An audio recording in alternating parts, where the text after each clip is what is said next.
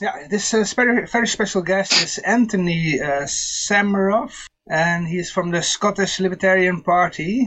And uh, you are the spokesperson on economics and environment. For my sins, that is correct. Okay, welcome, welcome. And uh, in a few minutes, uh, Yoshi uh, will also uh, join the live stream. But uh, yeah, first of all, uh, just give you give us a small introduction about what you're doing and who you are. Hi there, my name's Antony Sammeroff. I co-host the Scottish Liberty podcast and also I have Be Yourself and Love It podcast, which is a personal development podcast. I got into studying economics maybe 10, 12, 14 years ago. Um, I got really into it within the last six to 10 years. And I've been writing on economics issues as well as podcasting for five years, maybe. Um, and just general interest in, on liberty and things like that. I always thought that a lot of these topics are really interesting, more so than the ways that I saw saw them being written about. And recently, I've just been studying and Marx and comparing them and um, doing. Uh, I guess I just kind of think that these ideas are really interesting and uh, should be accessible to more people. Yeah, we're going to talk about that uh, as well, uh, mostly. Uh, first of all, I want to uh, ask you, uh, how's the Scottish Libertarian Party doing uh, well, at this moment? Well, that's an interesting question. I'm always reminded of Walter Block, a famous libertarian, um, asking Murray Rothbard, how many libertarians do you think there are? And Rothbard was like, eh, about 24. So I think the lucky thing, I felt very much like that we were at the 24 people stage of the movement in Scotland. But I hear that things are taking off and there's been a lot of new members joining over the last year. Yeah, the, um, the, I think the corona uh, crisis is also hitting um, Scotland uh, very hard at this moment. Yes, unfortunately, it seems that a lot of my countrymen are quite for the lockdowns. So even though the First Minister opened up a little bit, she's locked back down. Luckily, I'm in Florida at the moment, so my exposure to the Scottish lockdown is minimal compared to most people's. Mm-hmm. Uh, you would expect that all these lockdowns would create more libertarians, but uh, in, in, also in my country, you see people go the opposite. It's like they are in love with the people who are keeping them in uh, in lockdown. Yes, it is like that. It seems that the the yeah. the more the government lockdown here, the more popular they become. Um, yeah. It might have caused, it might have created some libertarians, but uh, it seems that the stereotype that fear drives people to become compliant um, seems to be true. They're looking for their mum and dads uh, to come and swoop in and protect them. And unfortunately, yeah. they're confusing the government with their mum and dad. Yeah, yeah, exactly, exactly. yeah. Um, are there?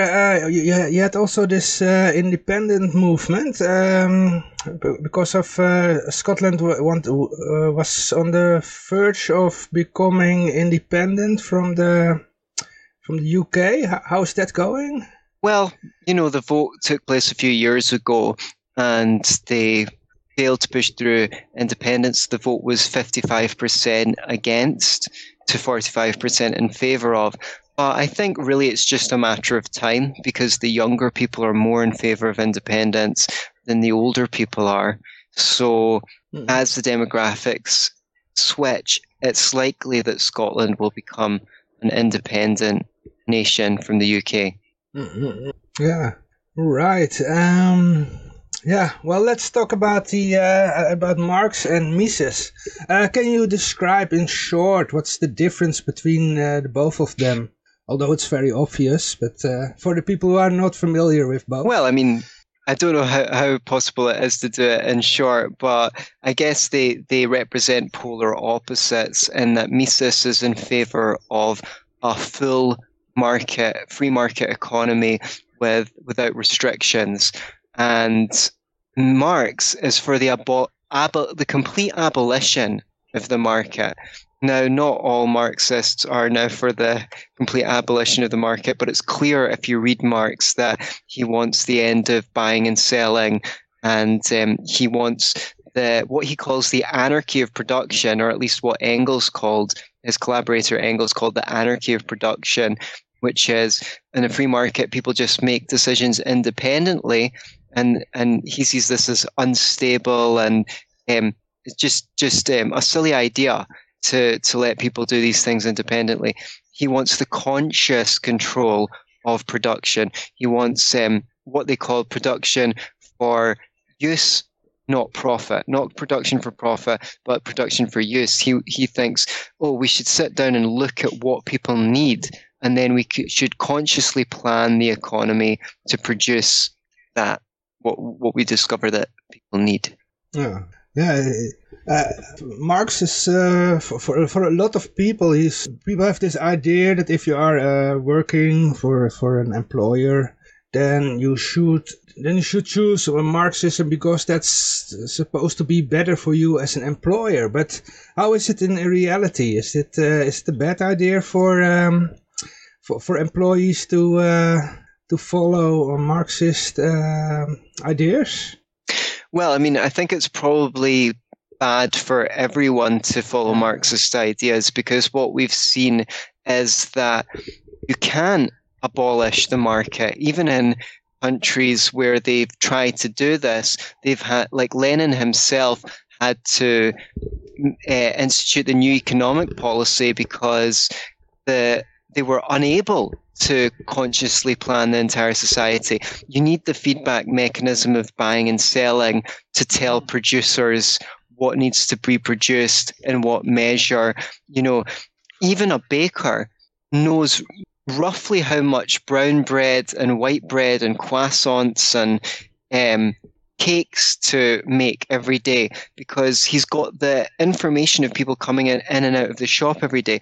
But even him with that information will still have to throw away bags of one product one day and he'll um, outsell another product another day.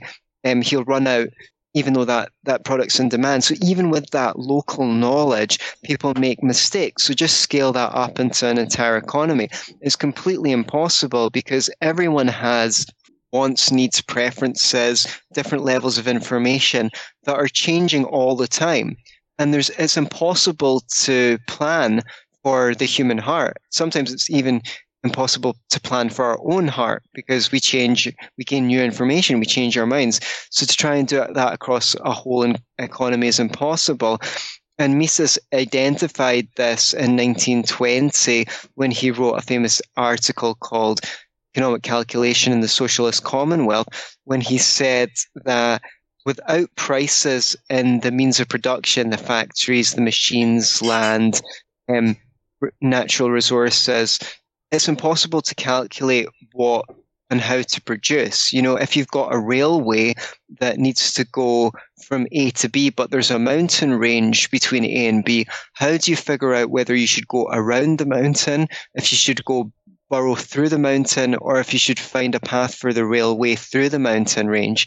Um, the only way is by having prices to indicate which would be the most economic, like in terms of cost benefit analysis.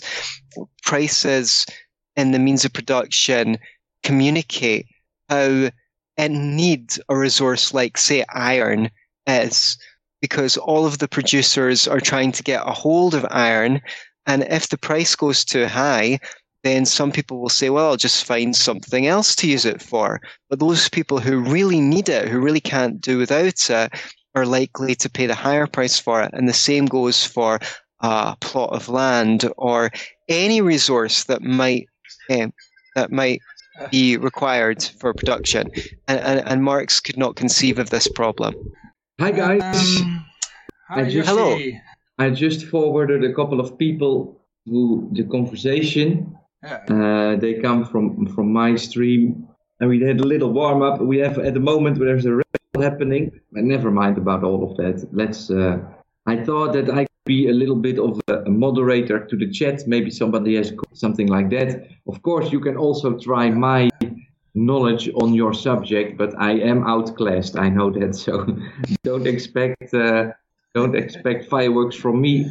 But uh, yeah, well, I'm I'm I'm curious. I, I already listened a little bit while I was live to what you were saying. Uh, so we had the introduction. Yeah. Um, camera is off, uh, by the way. But yeah, for the oh, my camera is off. All right, let's do that. Yeah, I'm dressed up. Just so you know, I hope you don't mind. I can get to take it all off. It's for my own show, but can you already see me?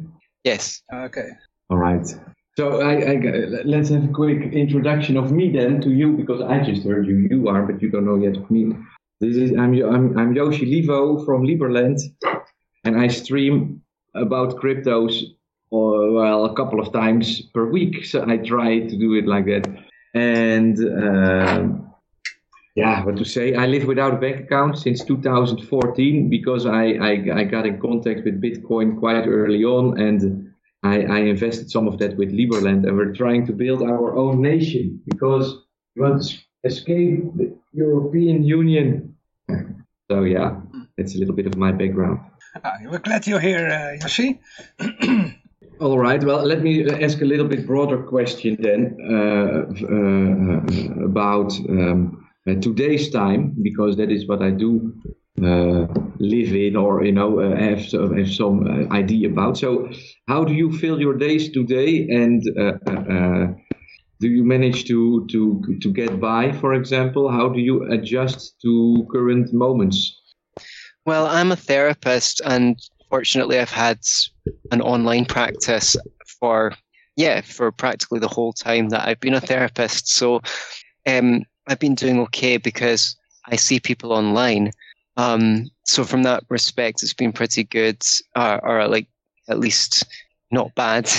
Um, mm-hmm. I I also, you know, I, I'm a writer, so I write from home. I'm a podcaster, so I podcast from home when I podcast. Um, I've been relatively fortunate. Um, so yeah, that's the that's all I can say on that that point. I mean, I, I miss being able to do the normal things that people enjoy being able to do the same as everyone else misses them. But um, as far as work goes, things have been relatively okay. Have you already been protesting any of the uh, measures, or, or have you been? Uh, how have you been dealing with it? I went to one lockdown protest out of curiosity, but it was uh, rather a dull affair, so I didn't go to any more. Yeah. Yeah. The earth was flat there or not? The earth was flat. That was a question of it was like was it uh, was that the general consensus among the people? No, there was no. It wasn't like that. I mean, the thing is, it was um, it, there. There was some definitely some more extreme views where people were worried about um, new world order stuff, and um, there was some definitely people who are worried about vaccinations, particularly mandatory vaccinations. But mm-hmm. um, I think largely, I, I mean, I don't know where's the line between where is the line between what is like normal allowable skepticism and tinfoil hat wearing. Um, yeah. It's in a it's in a different place for everyone. You know, are uh, for some people. Well, I mean, like the thing is, skepticism to the skepticism towards the pharmaceutical industry can go too far, but it's also based on the fact that there's a lot of shit going on in the pharmaceutical industry. I mean, um, from uh, you know, from companies doing uh, clinical trials and excluding results that don't suit their um, marketing yeah. schedule to great, great example to, to people who run journal. Like I think uh, one of the um, one of the directors of the Lancet, I need to get the specific details, basically left in disgust, saying that the journal had basically become run by the advertisers. You know, whoever was running, they, they were they would not publish results that said this drug has got side effects or this drug is bad and things like that because they'd go, well, you know, that company advertises in our journal, so we, you know, we don't want them to get mad at us and stop advertising in the journal. So until we actually sort the problems that exist in the pharmaceutical industry, you're not going to be surprised when people are like strongly against vaccinations or you know skeptical about this that and the other because they're they're being given reason to be skeptical. Yeah and, the last example yeah, of what that, you just that, mentioned what i remember is that there was something around that time uh, there was this uh, article in the Lancet about hydroxychloroquine that got retracted two weeks later, but all the institutions based on that article then stopped all their research because yeah well the lancet already wrote about it right? And and and that's how they managed to to mm. to, to steer it you know and to to when, push it. yeah yeah i mean the, there there's so much stuff about um there, there's a there's a great book called um, Overdosed America, and you can watch some of the videos with the author of that book on YouTube. He exposes a lot of bad science in medicine and explains why people might have reasons to to be skeptical. Now, that doesn't mean that drugs don't save lives as well. It's just we are forced, uh, we're herded into taking extreme positions. Like, if you've got any concern about vaccinations at all, you're anti-vax, or you know they're all bad, or they're all good, or or or you know people feel like they need to mount a strident defense of pharmaceutical companies because they're reacting against the more fringe views like oh all medicine is poison and you know we should just be um, i don't know taking cannabis oil or something like that. You know um, people are polarized into two extreme extreme views, but the world is absolutely full of nuance. Yeah, yeah, yeah, yeah, of course. Yeah, well, that was just my little question because that's what I'm really, you know, I I uh, fell asleep a little bit over the last two years because I managed to cash in the last uh, bull run of 2017 with Bitcoin, and then, well, I, I had the luxury of you know not having to be on top of it to you know I, I i was on top of it for six years like with the bitcoin everything i wanted to to see. And then when it hit or when i when i managed to to cash out in a good way um, i wasn't paying attention to event 201 for example that happened in october the year before. So let's say uh, four, 14 months ago something like that. So uh, i wasn't paying attention at all. And then I got bored, so I, I sold some bitcoins to buy all this studio equipment. And then when on the 3rd of March, I went live for the first time, and within two weeks, the entire world was upside down. So for me, this the stream has influenced my year a lot, and I really had a lot from that, you know. And uh, mm. yeah, I don't know. I mean, what can I do more? I have given up my my nationality to go to Liberland and I'm spreading that narrative on the internet. And you can call me misinformation, but it's my narrative and my bitcoins pay for it so far. So I'm doing, I'm doing okay, you know. Mm. And uh, yeah, I don't know. I don't know what to say about it. But yeah, I think that's the best we hope for is to start with ourselves and make sure that we're doing okay and trying to help the people around us. Um, and take it from there because a lot of people are kind of focusing on the world events as a distraction because it's yeah i mean it's easier to have concerns about things that are outside of your control than take responsibility for what is in your control. What i think about for example is people who are worried about say fluoride and chlorine in the water which you know there's reason to think it's harmful but you know they go out and eat at McDonald's or something like that. It's like, you know, maybe you should start with what is in your control, you know, stop eating, put the corn chips away, you know, while you're you're you're you're like complaining on the internet about GMOs while when you go to the supermarket your basket is abs- your your basket is absolutely full of manu uh, what do you call it processed food that yes, yes. you know that doesn't have the vitality that you need. So, yes, I'm all for being careful about what we put in our food and water supply and air and things like that. But people really need to look at to take control of what they can change first. Yeah, yeah, it's a good comment, especially because, and that's something that I also already heard before I before you saw me. A lot of people just don't want the help. You know, I mean, I tried it again last week here, and you know get these people to to accept Bitcoin or other cryptos where I live now, and uh, it's difficult and it's very emotional. The money is so emotional for the people, and then uh, you know they, want, they never want to admit that they are slaves for that money because that's so painful. So they don't want to think about crypto, for example, that what I started. And it's just I try to help them a little bit and make a little video on uh, explaining how to install a wallet or stuff like that. But it's difficult, man. It's difficult. People that don't want to be helped. That's why, although I don't like him, but I really hope that Trump is going to take that uh, election and then it's going to be a shockwave. I really can see how the story plays out in that way, you know. So, but actually, uh, Antony is in the USA. Maybe you can tell us hmm. a bit with how, how do you experience the uh, American elections uh, around you? Well, I mean, I I was I, I I actually only arrived here around the twenty third of November, so I didn't actually see the U.S. elections play out. Um, I would say that for myself, it's really hard to know what's going on and even in America because you know I'm staying here at my girlfriend's house. Um, sometimes we go out for dinner. We've gone out to a bar a couple of times, and people seem to be having fun. But without being able to go into people's houses and ask them, "Hey, what do you think about what's going wrong on right now?" The only thing is um, Facebook. You know, you're getting your view of the world from Facebook.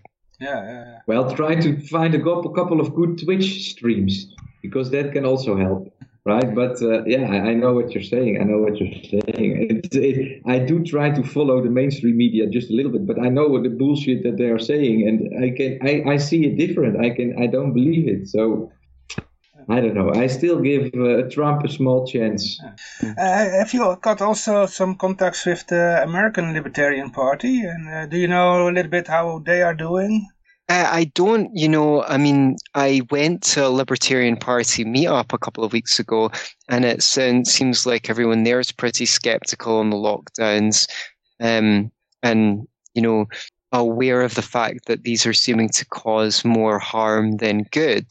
But I, it's really hard. I, I, I don't know what the, you know, the the party as a whole thinks or anything like that. You know, we're all pretty atomized at the moment. Mm-hmm even at the best of times, even when society was open and you could go to bars and restaurants and clubs and everything, cafes, you still live in a bubble of your peers and things like that. Yeah, you might, you know, you might have a casual conversation with someone uh, here and there, but you, you really, even so, it's going to be a biased sample depending on when you go to. It's really hard to know what the, the public as a whole thinks on anything.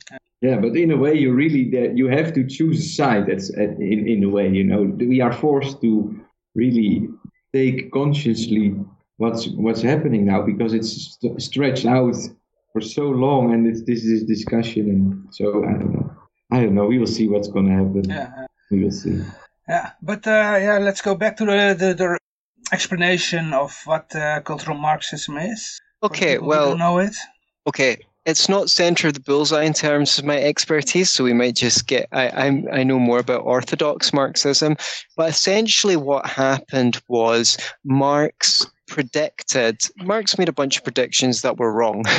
One of them was that capitalism would lead to the progressive immiseration of the workers. In other words, it, the working class would get more and more poor, more and more impoverished under capitalism as the strive for profit drove um, wages down.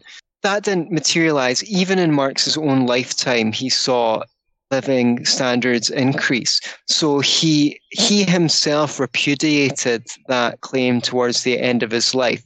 The thing is, Marx's theory of history said that um, societies go through stages, and when a stage comes to its full development, it requires um, revolution in order to bring about the next stage of society. So, feudal societies were no longer tenable at a certain stage in history, which caused bourgeois revolutions like the French Revolution and the American Revolution, which were revolutions to make the world safe for capitalism. And he thought that um, this would happen in the most industrialized societies because sorry, the communist revolution would happen in the most industrialized societies because those were the most advanced capitalist societies. That's another prediction of his that was wrong because, of course, we know communism happened first in Russia, which was um, not one of the most industrialized societies like Germany or Britain or the USA. So the Marxists wanted to have some explanation for why the working class were not um, seeing that they were being exploited by capitalists in advanced societies and why they were not uh, overthrowing the repression of the capitalists. And and basically the cultural marxists people like the frankfurt school um, which was a, a, research institute in germany which then was moved to america because um, because of the Nazis. They, a lot of them were Jewish, uh, and if they weren't persecuted for being Jewish, they would have been persecuted for being communists. Um, they they had to flee Germany, and they set up in the USA, and they basically were trying to understand why revolution had not happened in Western countries because they saw, like Marx, they saw capitalism as alienating to the worker, that they wanted a system which led to the fully fledged development of the human individual or you know that's what they believed that this socialist communist utopia would be. They thought people's um, lives in capitalist societies were ruled by work and that products ruled people and, and you know the things you own own you and all this stuff. So they they said they basically thought that the workers had been assimilated into the capitalist system and um, that happened through various means. One was cheap commodities. They were given these uh, cheap goods and services, you know, bread and circuses. So, oh, you know, um, they're happy with their little gadgets and toys, their phonograph record player and their crappy pop music, and you know, it's it's keeping them, you know, um, mesmerized and hypnotized into the system. And they wanted a alternative strategy for overthrowing capitalism and, and since the, the workers had been assimilated into the system. Um, hmm. they, and they, they said the only way to do that is through cultural means. We need to change the culture.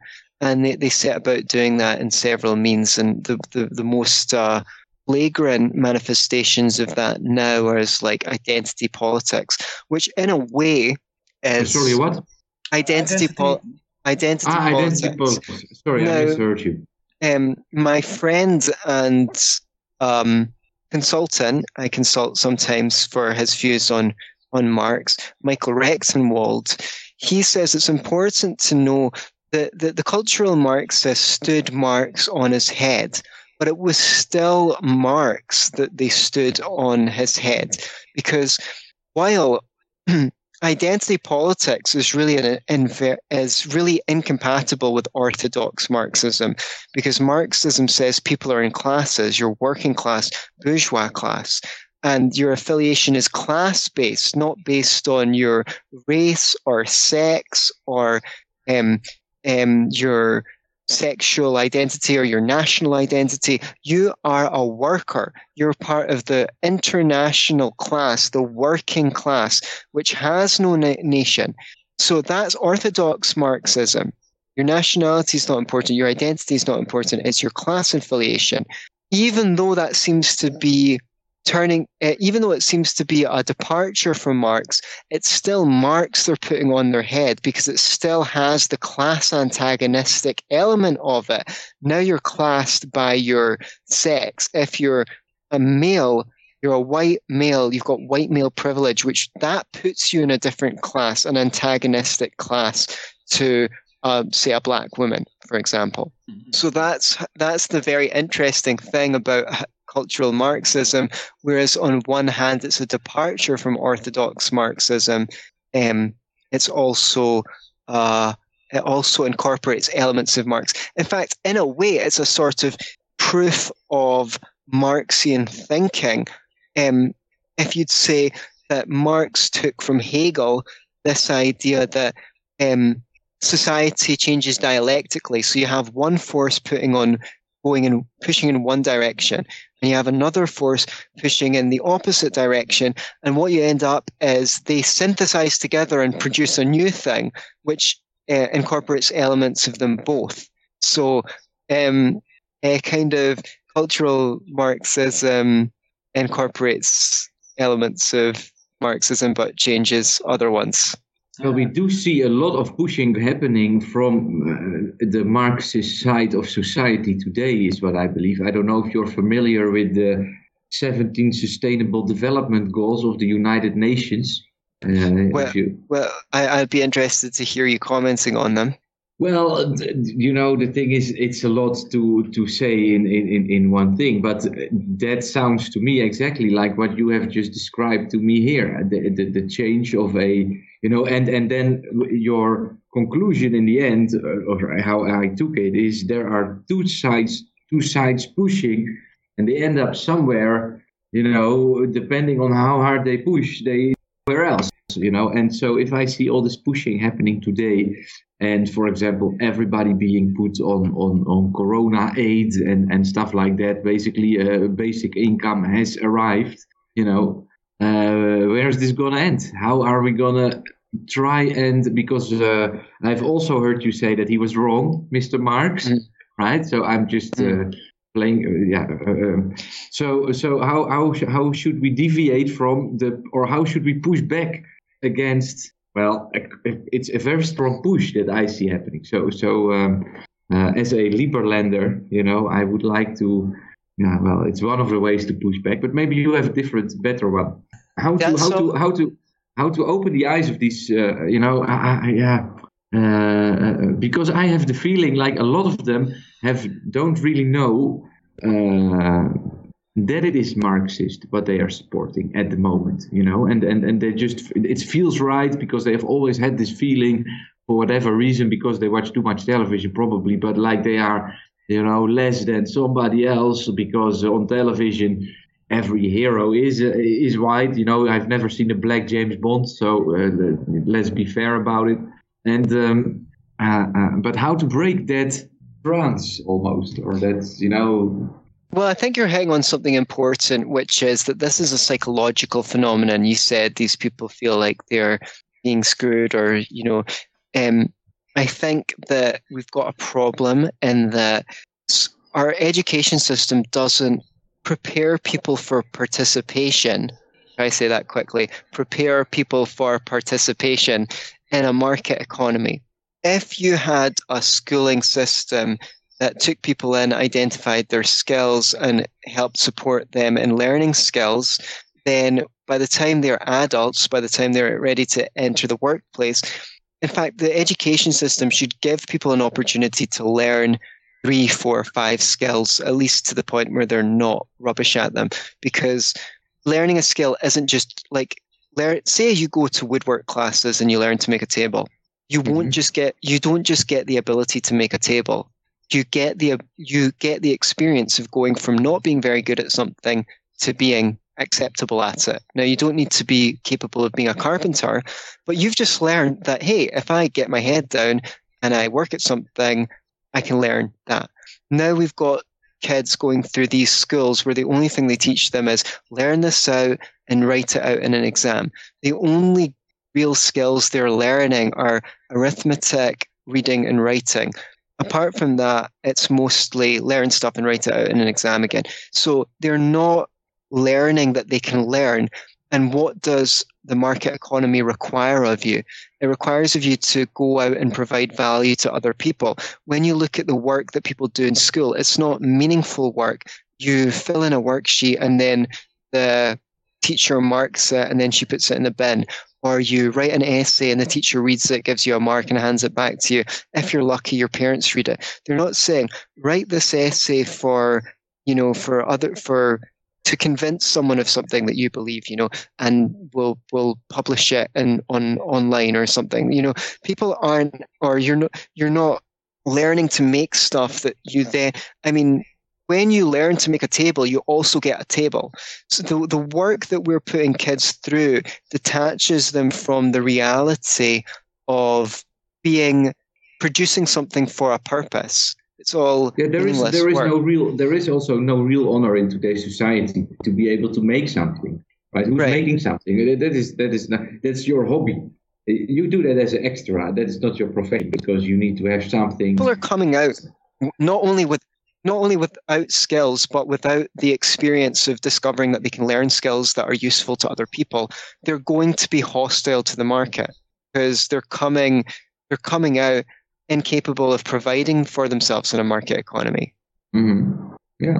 Yeah, I noticed it a little bit from myself what you're saying. I mean, I I, I came out of college. I, I was supposed to become auditor, and uh, yeah, you learn while you go, but you had no clue what you were going to do while you hit the office for the first time, right? And uh, I was never taught how what a euro is, and that's in the end what uh, made me a radical a little bit. Because when I found out myself, I uh, retaliated a little bit. But uh, uh, yeah, so so I think it's a, it's a good uh, good analysis what you're saying. I can I can see a, a truth in your answer. Let's say it like that, right? Great. Uh, what I also would like to know is, um, what do you think uh, if, if, Marx was alive today? How would he? What would he think or say about this all this cultural Marxism that's going around? Would he agree or oppose it? Or that's a really interesting question.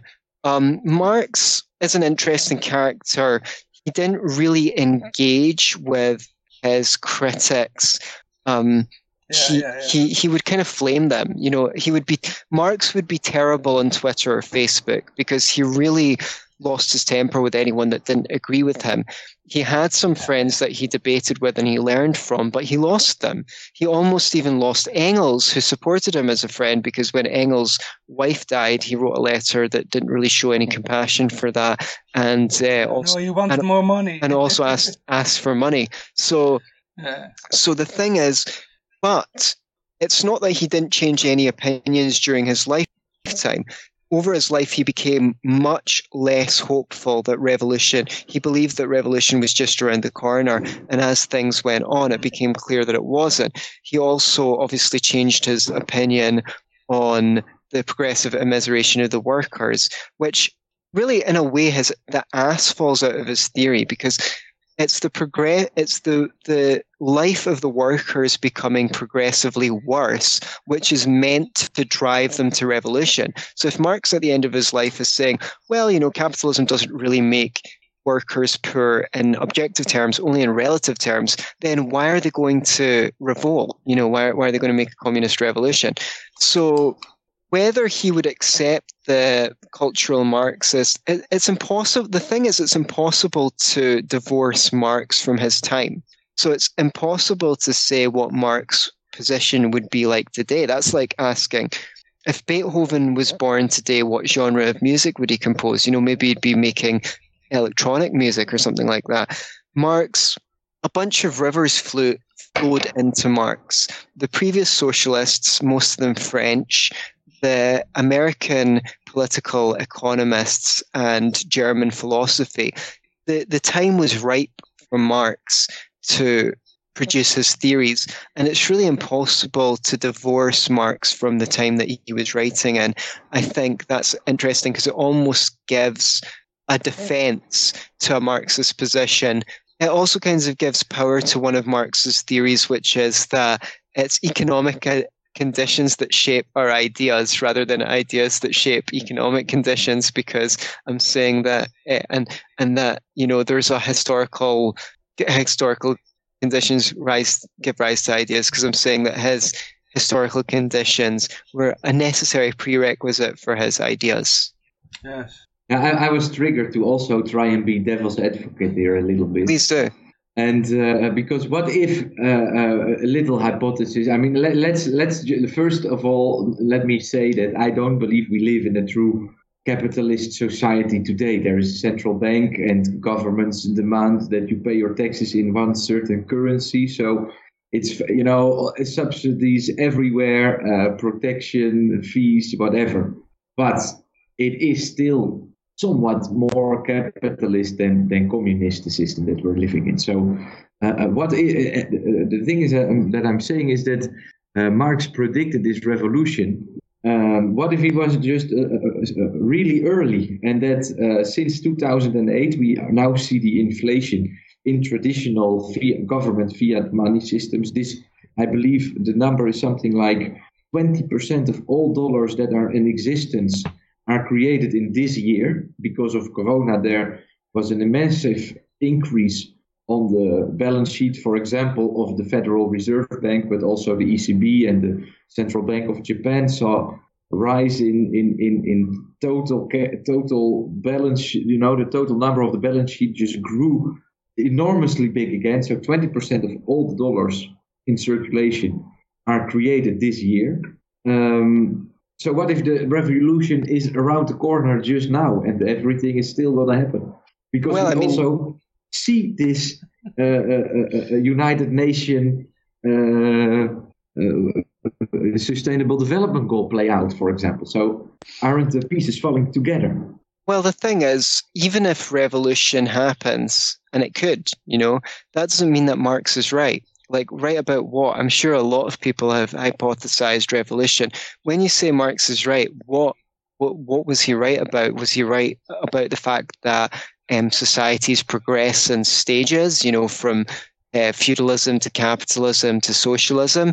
Will it prove that um, that a, a, centrally planned economy can work? I mean, it's been it's certainly been tried in several countries. Now, lots of people who claim to be Marxists say, "Oh no, we don't believe in central planning. That's um, the authoritarian left. We're the libertarian left. We want, you know, um, we want people to own their own factories and things like that." Um, that still doesn't really solve the calculation problem. So um, the, the fact is that Marx was for the abolition of the market, right? So if people are coming along and saying that they've got an updated version of socialism which allows the market to exist, they're not orthodox Marxists. They might have adopted Marx's ideas in some areas, but they're definitely not. If they if they're for the existence of markets in some socialist society, then they're not orthodox Marxists. That's for sure. Ah, well, I tried. I tried, but you know. Um, yeah, yeah I, I mean, uh, revolution can happen, but I don't think it'll be a good thing. It's not going to lead no, to a no, better. At this stage, it's not going to lead to a better society if it does happen.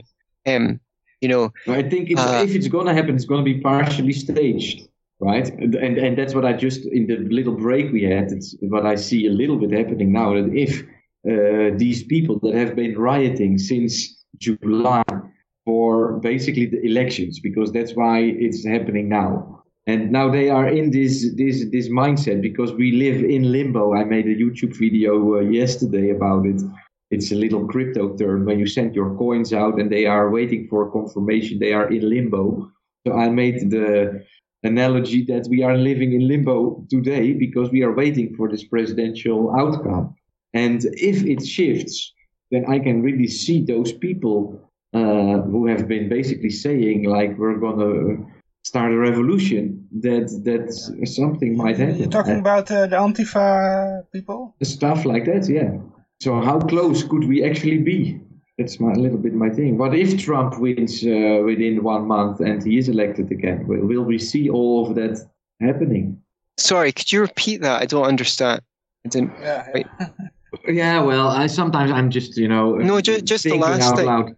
Just the yeah, last well, thing. That, just the last thing that you said. What if it shifts? What if the election shift to Trump? Do you see uh, uh, uh, uh an opportunity for because uh, because people have been warmed up a little bit for it? So so.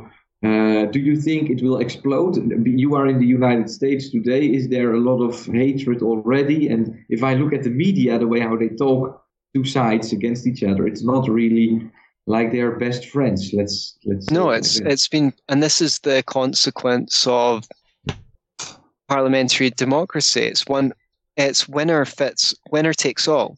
And when you have a situation where 66% or 70% or 80% are on one side and 20% are on the other side, people are willing to accept a lot more. They go, okay, well, I don't agree with it, but it's the consensus. But when you have something like Brexit, which is 20, 52% to 48%, or Scottish independence, which is 55% to 45% against, or the American elections, which the last two have been mm-hmm. super close, what you essentially have is whoever wins, you know, takes it all. They get to force their agenda on the other half, and the other half hate them. And the only real solution to this, and unfortunately it's not presented, is to lower the influence that the government has on the day to day lives of people so people don't feel like they're losing everything when they lose an election. At least if we're negotiating and we disagree, you know, we can say, well, we will have 50% my way and 50% your way, and maybe we can come to an agreement. You know, we can listen to, I, um, I, you know, one of us doesn't like heavy metal and one of us doesn't like pop music, so we can listen to disco or something, you know, find some kind of compromise, uh, something that we both like. This is impossible with parliamentary democracy. And the problem we face is whenever you talk about democracy not being a good thing, or you wanting to have less democracy, people think that the alternative is dictatorship. But in, in, in reality, the question is the choice is not usually between democratic control and dictatorial control. It's between democratic control and the market. You know, democracy to the the to the degree that demo, democratic control increases, market control decreases, and the inverse is also true. Yeah. By the way, how was Marx thinking about democracy? Yeah, okay, so that's a really, really good question because his I actually wrote an essay about this. I don't know if it's on Mises or not. Um, but yeah, people can look on Mises.org and search my name and Marx. But I was definitely writing about it. It's it's hard to get a exact idea of what Marx thought about democracy because he was mostly writing against um, most of most of Marx's works were polemical. He'd take what someone else said and say this is why what they said was wrong, and because of the liberals, the pro-capitalists of his time were his main enemies, he would emphasize the shortcomings of democracy as far as he saw it. But however, in other places, he he was praising democracy. He praised um, America for being more democratic than Germany. On the whole, parliamentary democracy was seen as sort of a bourgeois liberal thing, not radical enough for Marx, but not radical enough for Marx, but was maybe a step in the right direction. Um, um, so, so you can see you know, quotes not not that far from what libertarians might say. Like, um, democracy is one means of deciding one once in every three or six years which member of the ruling class was to misrepresent the people in parliament. You know, th- things that things that progressives say today, like, oh, it's not a real democracy. It's just you know you get to vote every three to six years. Um, Johan always likes to say it's the dictatorship of the majority. Well, it is. It is. It is the dictatorship of the majority. But Marx was, in a sense, for dem- Democrat for the for the for the dictatorship of the democracy of the the majority. The dictatorship of the majority would not necessarily have been something that he was against. Um. So, so it's difficult to extract a clear view because he never sat down and wrote, "Here is my opinion on democracy." Um, so in some places you can find quotes that are favourable to democracy, in some some quotes you can find him hostile to democracy.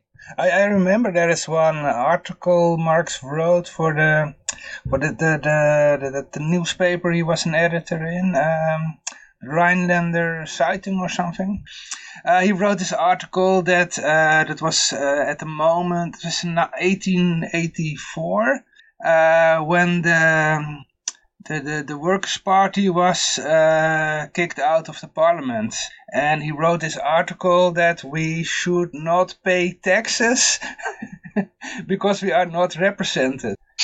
So, so that's actually very funny that you have Marx claiming we should not pay taxes because we are not represented. You, you remember that article? Uh, who who said we shouldn't pay taxes because we were not uh, represented? Karl, Karl Marx. All right, that's quite funny. I know I, have not seen that article before. I, I, can look it. I can look it up for you. It's uh, very funny. he was very angry because the the, the, the Communist Party was kicked out of the the German right. parliament. Yeah. Right. Yeah. Yes, but, I mean, uh, he but but in any choice, whenever a revolutionary government uh, took place that was against the majority, if they were socialists in his lifetime, Marx favored them. So there were like you know the um, the the civil war in France has um, his uh, tribute to the Paris Commune. You know, th- that was basically the situation of a minority of radicals taking over the government, and and there was little uprisings like this throughout his um, his lifetime, and he supported them. You know, so basically he supported democracy when he thought it furthered his aims. But if a small group of radical socialist revolutionaries usurped a regime, even if it had been established by the overwhelming majority of the people in that region, he would still favor the radical communists taking over over the the um, majority. Which means that in a way he was the forerunner of Lenin. You know, who I mean, obviously Lenin was a Marxist, but Lenin um, doctored Marx slightly because he had to give a justification for why communist revolution happened in agrarian Russia rather than an industrialized country. And he said, well, what we need is a vanguard. We need a vanguard uh, who are the most class conscious people to lead the revolution because the masses are not ready for revolution yet. So what we need, uh, so the revolution doesn't necessarily come from the bottom up. You know, we need the most advanced um, socialists who have the class consciousness to lead the revolution. How, uh, how much does um, I, I asked this question because a lot of if if you libertarians have a discussion with a communist, uh, we always always take the example of, of, uh, of the, all those countries that were uh, socialist or communist, and, you, and we say, well, it didn't work out. Look at the at the Soviet Union. And then the communists always answer that that was not real communism. Yes, they always but, do that. Uh, yeah, yeah. But in uh, um, uh, how much is the difference between what uh, Marx had in mind and the Soviet Union as we know it? Well, the thing is, um, Marx and his demeanor was kind of dictatorial. So, in a sense, the regimes take after um, Marx's character uh, rather than what he said. While he may have explicitly advocated the, the, the idea of democratic workers' government, his own personal style was dictatorial and intolerant. So, what could be said is none of these countries completely abolished the market, but it's but it's impossible to abolish the market because people are trading by nature. Even in prison camps, you know, people trade cigarettes. Um, yeah, yeah, yeah. As as soon as people get more than um, that. yeah, I don't know anything about it. I have no idea. I have no idea. as soon as people are, you know, in internment camps and they're given their Red Cross packages, they open them up and find out what they can trade with one another. So the markets will. You can repress markets, but they will always exist somehow. I guess Marx thought that communism would be so super abundant that people would just go and help themselves to the bounteous largesse that had been created by getting rid of the capitalists. But also, he thought that people would just work voluntarily on what you know, whatever work pleased them. So, the more you look at what he thought would happen, the more it seems a little bit cuckoo. Um, and you're, you're amazed that people could have been believed this at the time, and a little bit more amazed that people can believe it now. But I mean, people just don't really understand how markets work. To be honest, they don't understand how the market um, really drives Amen efficiency. They, they, they think that they think that markets are wasteful or something like that, when actually it's only the profit motive that drives companies to innovate and find ways to make fewer resources stretch further. Well, is there also a big difference in uh, between uh, the the Soviet Union under Lenin and the Soviet Union under Stalin and then Khrushchev? Brezhnev? Is there? I don't. You know, I'm not an expert in the history of Russia. You know, I think it's amazing that uh, a person could have as much power as any of these leaders had and exert so much of an influence of, upon society that you, you, you can't help but think that, yeah, of course, there would have been differences between them. the, the, the I think the lesson of Russia is exactly what Mises predicted would happen in 1920 is exactly what happened.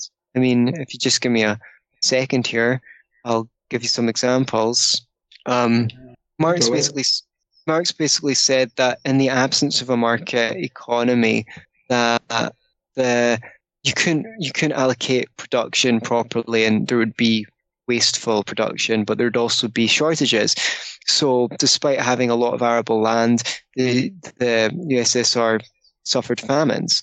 Um, and uh, uh, we were told that only 3% of the land which was actually privatized was responsible for 30% of the food production of the entire country. I've heard varying figures on that. Some people say 4% produced 25%. And uh, so, so that's a little bit confusing, but it, it, it has appeared in various credible sources. Um, so you, you saw these exact things happen where people were starving, but there was grain in the fields, and there there was tractors that were rusty because they didn't have enough diesel to fuel the tractors, but they were making more tractors. Um, when they they, they, they, they made lots and lots of women's clothing in large sizes because they were the, the, the, targets were set for the yards. So they said we need X amounts of yards of clothing, and the easiest way to produce them was to just make very big clothes. And then houses were built with no roofs because the government demanded nails by the ton. So the easiest way to make the quotas was to produce large nails, and, and they were too big for the job. So um, it's really interesting that exactly what Mises predicted would happen in the absence of Marxists is what happened in the Soviet Union. Yeah, yeah, yeah. yeah if, if you look at the Soviet Union, uh, it, it's a real disaster. It's, it's surprising that it took 70 years to collapse. Yeah, I mean, well, I mean, the thing is, it, it, it didn't just collapse. I mean, the Soviet Union was subject to famines a few times, and what happens is that the Europeans and the Americans gave them food aid. Now, it might seem like pretty a horrible thing to go, well, just let those people starve to death. But the thing is, the, the regime could not have survived outside intervention, such as those where we came in and, and brought food aid. And well, I say we, I hate that because we weren't born. The other thing is, all the tech, like the Soviet economy was non innovative. They were getting technology from Europe and America. Um, John D. Rockefeller, owner of Standard Oil, furnished the Soviet regime with you know West technology that was built, it was and developed in the West in exchange for access to the Soviet oil fields.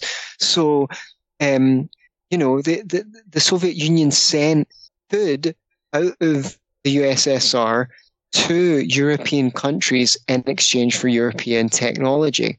So uh, uh, the reason why it survived is because it was dependent on on the West the same way that the reason why the state survives in Western institutions is because it's parasitic upon the private sector. Yeah, yeah. They, yet there's also this famine in Ukraine. Uh, they were producing most of the, the grain and they gave it away to Nazi Germany, which wow. became their later enemy right, right, yeah. Second World War, yeah. And uh, so all these people, uh, they they were working in the in the fields, but they were not allowed to eat uh, the food they produced. Yeah, and, and what happened? Dead, yeah, literally. they starved, and, they, and then, then and then they stopped producing um, food in many occasions because they knew they weren't even working for themselves. Someone was going to come along and take it away. Yeah, yeah. Uh, Yoshi, you have a question? I think I'm a little bit. Uh, I can tell you, I am awake now for 25 hours today. So okay. And that's because I sleep quite a bit irregular lately. I don't know. Uh, I don't have an agenda, so I, it's okay. Don't worry about it. But I have I have asked a couple of questions. I did learn a lot from this conversation. Maybe we should ask Antony about, uh, or uh, if he is interested in the third of uh, January when we plan a Bitcoin special? Well, we have a lot of guests. Uh, we have a lot of guests. Yeah, okay, okay, sorry, sorry. but I, if you're interested, in, I'm the wrong per- I'm the wrong person yeah. to ask. Anyway, my knowledge of Bitcoin is pretty limited. Uh, okay, well, in, in that case, if you want to learn more, we now have a contact on Skype, so you can always write me and and shoot me a message, and I will gladly explain you whatever you want to know. So that is a little gesture back, maybe. Uh, before we end, uh, I want to also uh, ask some little bit more about the the, uh, the subject of uh, cultural Marxism. Um, can you describe for people who are not familiar with it uh, how you can recognize this nowadays? what it is? You already mentioned identity politics, but yeah, it's it's any. I, I would say I consider cultural Marxism now. Someone might come, come along and take a different view or correct me here to be any cultural attack on capitalism. For example, I kind of see the environmentalist movement as it exists in Western countries as cultural Marxism. What uh, now? I'm I'm an environmentalist. I have a very popular podcast called "Only Capitalism Can Save the Planet. Socialism Will Destroy the Earth." that did very well on YouTube and on SoundCloud. But the thing is, this environmental movement, like you can see people like the British journalist called George Monbiot, are using environmental issues as an attack on capitalism itself, um, when actually those socialist nations did far worse at taking care of the environment than um, than the West. trying today. Yeah, yeah, and and and and people don't know this. People don't know how bad the environment was in countries like Czechoslovakia, Poland, and the Soviet Union. Now, yeah. So what happened was the old left believed that because when you kicked out the capitalists, um, because they were skimming their profits off the top, and labor was the real originator of wealth, of value, that once you got rid of the capitalists, society would become rich, everyone would be richer. That was proven wrong by all of the experiments in communism. So they could stop saying, oh, um, we'll be much richer and more productive under socialism and communism. They had to start saying, well, being productive is bad. Economic growth is destroying the planet. Um, uh, consumerism makes people very materialistic. People are too materialistic in capitalist societies, and that's because they live in a capitalist economy. They won't be so materialistic under our communist utopia. All of these sociological attacks on capitalism, saying that capitalism is bad for the heart and soul of man, I would say those kinds of things our cultural Marxism. It does exist in Marx. Marx thought that um, capitalism was sociologically damaging, not just economically bad, but um, that the, the, the, the, the, the worker, by performing a repetitive task in a factory, was um, turned into a cog in a machine, you know. And definitely the cultural Marxists took that analysis further, um, took his idea of commodity fetishism further, and um, and started making all sorts of cultural and sociological attacks on capitalism. So all of that to me is cultural Marxism. Yeah. Right. Yeah. Well, uh, thanks very much for the for your time. Um, can you also, if, if people want to know more about you, where can they find you? Yeah. You, um, you mentioned can, uh, your podcast. Yeah, you can check out Scottish Liberty Podcast. You can type Antony Sammeroff into Mises.org and find a bunch of my articles. Um, including four articles on Marx, which are excerpts from a book I'm writing at the moment on Marx and Mises. So I hope to continue with that. And um, yeah, tune into Scottish Liberty Podcast. I've got, if you want to know which episodes I recommend, send me a little message on Facebook and I'll send you some of my favorite episodes because uh, we've got about 170 episodes. So some people don't know where, where to start. Yeah, yeah, yeah. Yeah, and, once it's posted, let me know, and I'll I'll syndicate it out as an episode of Scottish Liberty Podcast as well.